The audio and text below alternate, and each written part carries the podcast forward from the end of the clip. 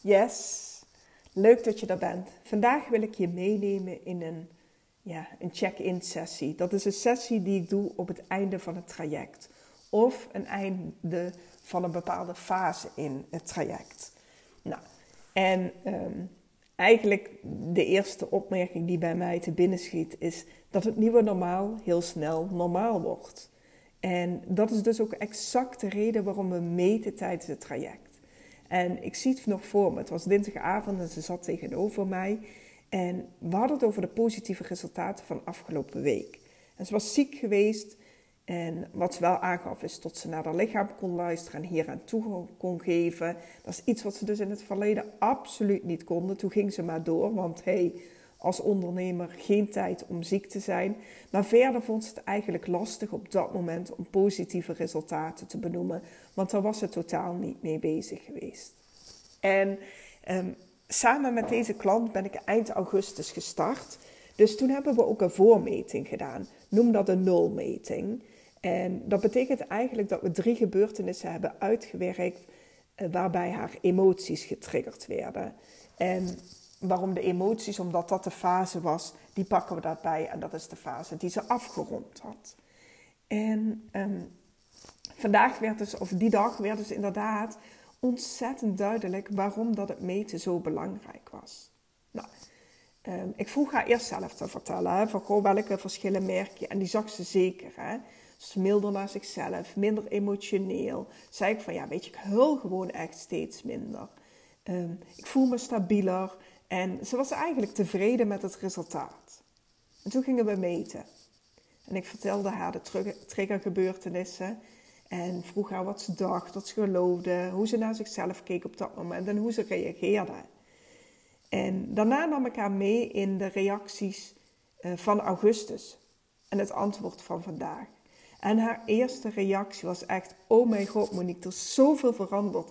Wat goed dat je me dit terug laat horen een mooi resultaat is echt underrated. Ik had, oh echt, weet je, nou ja, ze was helemaal onder de indruk, want um, ja, ze had het eigenlijk gebagitaliseerd. Zo van ja, ik weet wel dat ik daar drie maanden geleden wat meer last van had en het zal wel zo en zo zijn. En toen ze dus letterlijk hoorde welke woorden dat ze gebruikte en ook de woorden zag die ze nu gebruikte, ja, toen, ja, toen werd het ineens een fantastisch resultaat. Maar ze geeft aan, weet je, ze is eigenlijk heel natuurlijk veranderd, zonder daar echt moeite voor te doen. Na elke sessie was het anders. En dus ze wist ongeveer hoe ze er dus drie uh, maanden geleden over dacht. En het was confronterend om te horen wat dus echt haar woorden waren. Zei ik van ja, zei ik dat echt over mezelf? Ik haalde mezelf echt omlaag. Ik was echt denigrerend naar mezelf, hard. En dat had ze in haar hoofd dus echt veel milder gemaakt. Dus er is ontzettend veel veranderd. En ik wil jou eigenlijk meenemen in enkele voorbeelden. Dus ik vroeg haar eh, inderdaad, hoe kijk je naar jezelf in deze situatie? En we hebben dezelfde voor- en na-situatie gepakt. Ehm, alleen voor was ze angstig. Van hé, hey, ik heb iets verkeerds gedaan. Paniek, ze blokkeerde.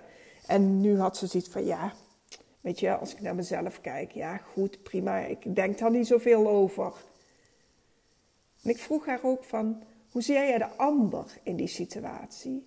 En vooraf, dus in augustus, gaf ze aan, ik vind die ander lastig, dominerend, overheersend, onderdrukkend.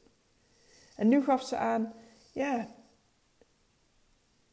weet je, ik zie die ander als gelijkwaardig, niet meer of minder dan mezelf.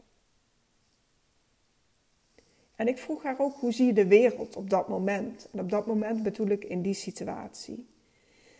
En in augustus vertelde ze dat ze de wereld zag als een bange plek, waar ze niet zichzelf kan zijn en waar de wil van de ander domineert. En nu ziet ze de wereld vol mogelijkheden. Ja, hoor je die verschillen? En ik vroeg haar ook van hoe zie je het leven op dat moment? En het leven was in augustus lastig, zwaar, frustrerend. En nu heeft ze er zin in. En we keken ook van, hey, hoe reageerde je? En in augustus gaf ze aan, ja, ik kan eigenlijk moeilijk reageren. Ik schiet in mijn hoofd en ik blokkeer. En nu geeft ze van, ja, weet je, ik schrik daar dan wel van. en de situatie hou ik vanwege privacy. Vertel ik dat niet, maar ik denk dat dat er ook niet zoveel toe doet. Wat exact de inhoud van de situatie is. En nu zegt ze, ja, dan weet je, reageer ik geschrokken, een beetje aangedaan, maar dat is het. En het feit is gewoon dat ze emotioneel veel stabieler is. En dat heeft een enorme impact op haar business. Weet je, die emoties zorgden voor impulsieve beslissingen, voor stress, voor onvoorspelbaarheid. En dat heeft ze ingeruild voor passie, creativiteit, empathie. Ja, goed, wat betekent dat dan concreet? Meer, meer energie, omdat ze dus veel minder twijfelt. Extra tijd, omdat ze wel overwogen keuzes maakt. En haar omzet is toegenomen, omdat zij als persoon ontzettend gegroeid is. En het toffe is dat deze klant nog doorgaat. Dus dit is nog niet alles. We gaan nog uh, haar stressreacties resetten. Maar goed, tot die tijd mag zij genieten van de ja, 10.0 versie van zichzelf. En denk jij nu na het horen van deze podcast van ja, weet je, ik ben ook wel benieuwd wat mijn belemmerende overtuigingen zijn, wat mijn emoties zijn die me in de weg zitten. En zou je niet eens even met me mee willen kijken? Ja, dat doe ik heel graag. Stuur me dan een berichtje op Instagram of LinkedIn of mail. Onder in de show notes kun je de link vinden uh, naar die plekken um, die jouw voorkeur heeft. En voor nu wens ik jou een fijne dag en uh, hopelijk zie ik je bij de volgende podcast weer. Doei doei!